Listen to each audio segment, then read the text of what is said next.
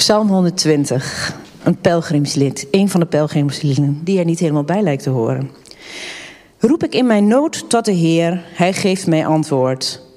Bevrijd mijn ziel, Heer, mijn lip, van lippen die liegen, van de tong die bedriegt. Wat zal je straf zijn, bedrieglijke tong? En wat zal je straf nog verzwaren?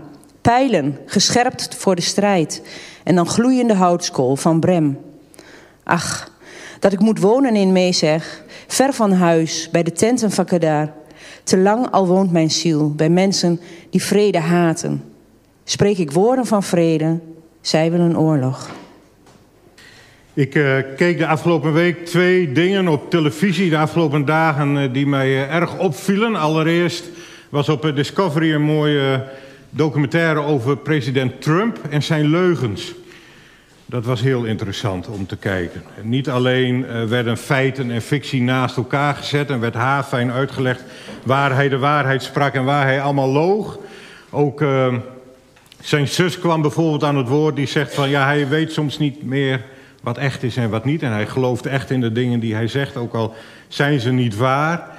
Dieptepunt daarvan was dat hij daar staat en een arts zit naast hem en hij vertelt over uh, dat er met schoonmaakmiddelen misschien geïnjecteerd kan worden tegen het coronavirus. En je ziet aan de lichaamstaal van de arts: nee, zeg dit nou niet. Leugens. En het tweede was uh, het hele sms-verhaal van premier Rutte en uh, het debat wat daarover gevoerd werd. En wat mij daarin opviel, is dat onze volksvertegenwoordigers, onze politici, steeds feller worden. En steeds harder worden. En steeds veroordelender worden. En soms zelfs op elkaar lopen te schelden. En toen dacht ik even van wat een gekke wereld leven wij in. Een wereld waarin in ieder geval veel gelogen wordt. En ik moest even denken aan koningin Beatrix die in 1999 al zei over de kwaliteit van de journalistiek in Nederland: de leugen regeert.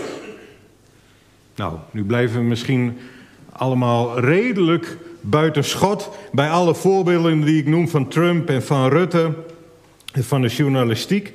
Maar je zult maar een ouder zijn die slachtoffer is van de toeslagenaffaire. En je kind is uit huis gehaald en je zit vol met schulden, zonder jouw eigen schuld. En je hebt eigenlijk geen hoop meer, omdat het maar doorgaat en doorgaat en doorgaat. Slachtoffers van leugens en manipulatie, van vooroordelen. Zo voelt de psalmist zich ook. Een pelgrimslied. Roep ik in nood tot de Heer, hij geeft mij antwoord. Bevrijd mijn ziel, Heer, van lippen die liegen, van de tong die bedriegt. Wat zal je straf zijn, bedriegelijke tong? En wat zal je straf nog verzwaren? Pijlen, gescherpt voor de strijd. En dan gloeiende houtskool van Brem. Hij is niet alleen een slachtoffer. Hij is niet alleen slachtoffer van tongen die liegen en die bedriegen. Maar de eerste reactie van de psalmist is ook meteen gevoelens van wraak en van vergelding. Dit moet gewroken worden. Hier moet wat aan gedaan worden. Dit moet aangepakt worden. Jouw straf, leugenaar, zal zwaar zijn. Maar als we straks de psalm doorgaan, zullen we zien dat er ook nog een andere weg in zit. Maar iedereen die de onmacht in zijn leven wel eens heeft gevoeld, van kwetsende woorden, van leugens of van gepest worden, kan zich heel goed vinden in die roep om vergelding. Nou, de sfeer die de psalmist schetst in deze wat vreemde pelgrimspsalm is herkenbaar voor de Joodse mensen uit de tijd van de psalm. Het is een psalm uit de tijd, waarschijnlijk vlak na de ballingschap. En na de ballingschap gingen slechts enkele Joden terug van Babel naar Jeruzalem, terug naar het Zuidrijk. Een heleboel van hen bleven of in Babel, maar de meeste raakten verspreid over steden ver in de omgeving van Israël, ver buiten Israël, ver van Jeruzalem, ver van het heiligdom van de Heer, waar de tempel weer opgebouwd werd. Zij waren daar niet bij. Zij woonden ver weg op plekken waar ze vaak een minderheid waren. En waar ze opvielen met hun gekke wetten, met hun spijswetten, met hun sabbat, met hun monotheïsme, met hun geloof in maar één God, etc. Ze leefden vaak tussen volken die alles behalve vredelievend waren. En dan staat er in vers 5 tot 7: Ach, dat ik moet wonen in Mesech, ver van huis bij de tenten van Kedar. Te lang al woont mijn ziel bij mensen die vrede haten. Spreek ik woorden van vrede, zij willen oorlog. Nou, Mesech, dat ligt duizenden kilometers ver bij Jeruzalem vandaan. Bij Zuid-Rusland nu, zouden we kunnen zeggen. En Kedar, dat is geen plaats, maar dat is de naam van een stam van Arabische Bedouinen met een barbaarse reputatie. Wat de psalmist dus zegt is, ik woon ver bij God vandaan, ver bij Jeruzalem, bij het heiligdom. En ik woon ook nog eens tussen mensen die niet alleen kwaad toelaten in het leven, maar het ook uitvoeren. Nou, nou wil ik niet al te zwartgallig doen over de leefwereld waarin wij leven, maar als christen herken je daar toch wel iets in. Dagelijks komt het nieuws op ons af over geweld, over oorlog. Als ik alleen al in Enschede kijk, schietpartij, een paar dagen geleden, midden in de stad, steekpartijen. En als je kijkt naar Amerika de afgelopen week, al die kinderen die gewoon doodgeschoten worden. Daar wonen wij tussen. Tussen mensen die niet het beste met anderen voor hebben. En dat nieuws, als dat dagelijks op je afkomt, dat doet wat met je. Dat doet wat met je wereldbeeld en dat doet ook wat met je godsbeeld. Deze psalm is ongelooflijk actueel. Ik moet daartussen wonen. Heer, hoe moet ik mij gedragen? Is er nog hoop? Nou hou ik van de pelgrimsliederen, de pelgrimspsalmen, psalm 120 tot en met 134. Het zijn prachtige liederen waarin mensen op weg gaan naar Jeruzalem, op weg gaan naar de tempel, ze elkaar onderweg ook ontmoeten, met elkaar liederen zingen en zeggen wij gaan samen naar de Heer om Hem te eren en te prijzen en uiteindelijk in Psalm 134 Hem te zegenen, goede woorden te spreken en de zegen van God ook terug te ontvangen. Geweldig om met een gemeenschap van gelovigen onderweg te zijn. En dan is dit de eerste pelgrimspsalm. Dat past totaal niet in het plaatje. Er zit geen enkel element in van pelgrimsliederen. Geen feest. Niemand gaat hier onderweg. Er is geen perspectief op Jeruzalem. De psalm begint met ik ben in nood. En het eindigt met het woord oorlog. En toch is dit een passend begin van de pelgrimsliederen. Want als pelgrim onderweg zijn, als gelovige onderweg zijn in je geloof, dat begint niet met plomp verloren lopen en onderweg gaan en kijken wat wordt, hopen dat het goed komt. Nee, dat begint anders. Het begint met een verlangen. En Willem Barnaert, die veel over de psalmen heeft geschreven, die zegt dat uh, prachtig. Het is duidelijk waarom dit klaaglied voorop gaat bij de bedevaartspsalmen. Het schetst de situatie waar men uit weg wil. Dit zijn de omstandigheden die tot bedevaart nopen, zegt hij. Ik wil dit niet. Ik wil niet deze wereld. Ik wil niet deze ellende. Ik wil niet dat de leugen regeert. Nou, dat zegt Willem Barnard. Iets positiever daarover is eh, Frits de Lange, de theoloog. Die zegt over pelgrims zijn: geloof houdt ons gaande en trekt ons als het ware vooruit. Het geloof klinkt door in kwetsbare hoop en liefde die zal overwinnen, ondanks alles. Hij schrijft dat in zijn boek Heilige Onrust. En ik denk dat het daar ook begint. Dat je kijkt naar de wereld waar je in leeft. Dat je kijkt naar de duisternis die er soms heerst. En dat het begint met een heilige onrust in je hart. Het kan. En het moet anders. Augustinus zei het al, onrustig is ons hart, totdat het rust vindt in u. Daar gaat wat aan vooraf als hij dat zegt. Hij schrijft daar vooraf, wij zijn naar u toe geschapen. En ik denk dat deze psalm die sfeer prachtig weergeeft. Wij zijn naar God toe geschapen en we staan in deze wereld. En in mijn nood roep ik tot u, Heer, en u heeft mij geantwoord, daar begint het mee. Maar dan ga je ook ineens anders in het leven staan. Dan is je leven gericht op God en dan zie je pas de nood die er in de wereld is en de duisternis. En dan wil je het anders en dan word je onrustig zijn.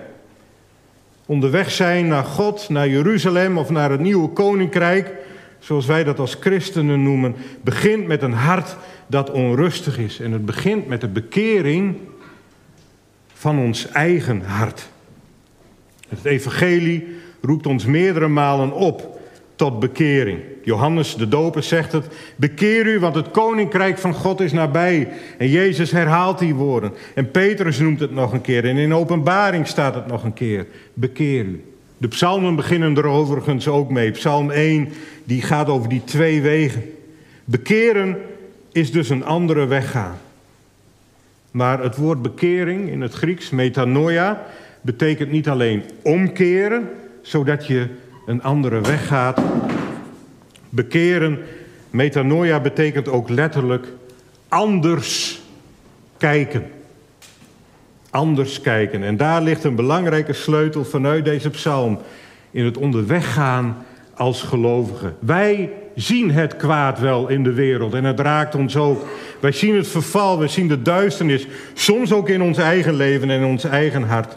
We zien oorlog, we zien haat, we zien leugens en we voelen zelf de boosheid en het verdriet van de gebrokenheid. Maar wij hebben ook anders leren kijken naar deze wereld.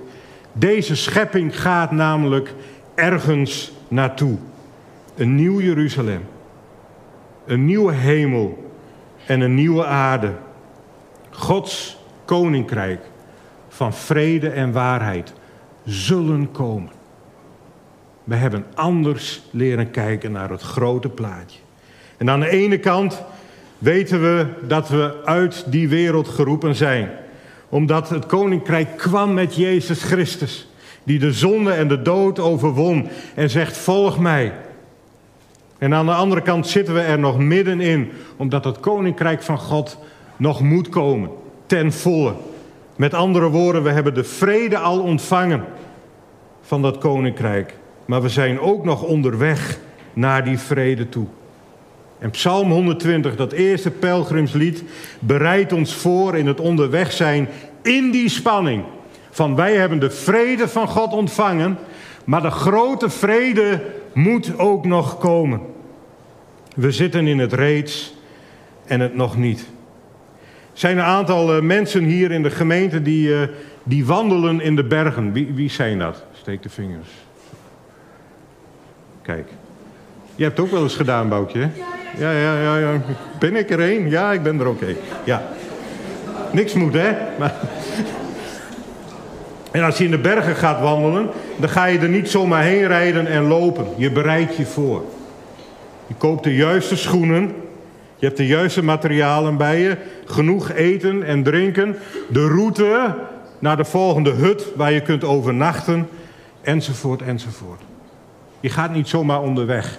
En dat geeft Psalm 120 ons ook aan. Psalm 120 is een voorbereidingspsalm. Je gaat onderweg. God is erbij maar je gaat nog wel in een gebroken schepping. Die spanning die is te vinden aan het begin en aan het eind. Psalm 120, vers 1. Roep ik in nood tot mijn Heer, Hij geeft mij antwoord. De vrede is er.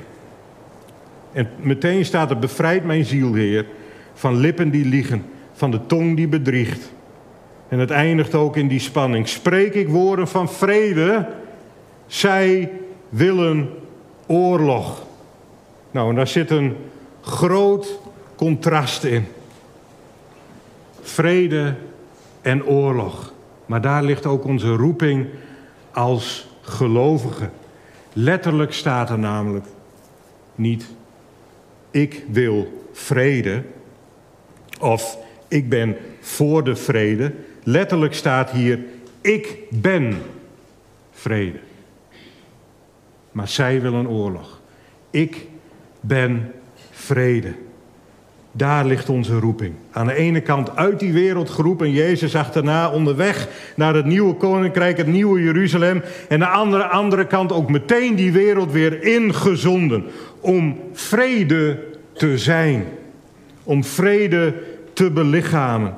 Om vrede uit te dragen, zoals Jezus in deze gebroken wereld kwam. En ondanks alle haat, duisternis en leugens en kwaad tegen hem, vrede was. En resoluut vrede kwam brengen. En na zijn opstanding zei: Ik wens jullie vrede. Dat is ons startpunt. Als wij als pelgrim onderweg willen zijn. Niet zomaar gaan, maar weten dat die spanning er is. Maar dat we geroepen zijn om anders te kijken.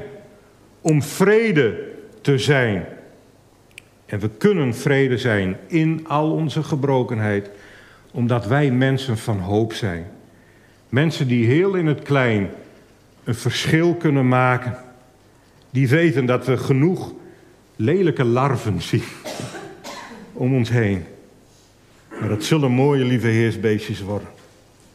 Mensen wiens hart bewogen is door het goede nieuws van het evangelie. Vergeet alsjeblieft nooit hoe goed het nieuws is dat jij en ik met ons meedragen in deze duistere wereld van schietpartijen. Er is hoop.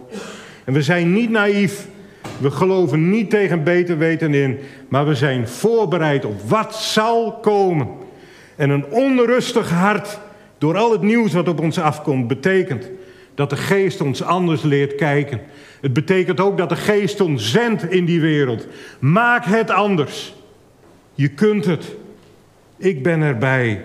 We zijn geroepen om vrede te zijn en onderweg tot een zegen te zijn voor onze omgeving. En zo denk ik dat we dat laatste vers ook om kunnen draaien. En neem die mee deze week in. Zij willen niks dan oorlog. Maar ik ben vrede. Gaat u mee onderweg? Amen.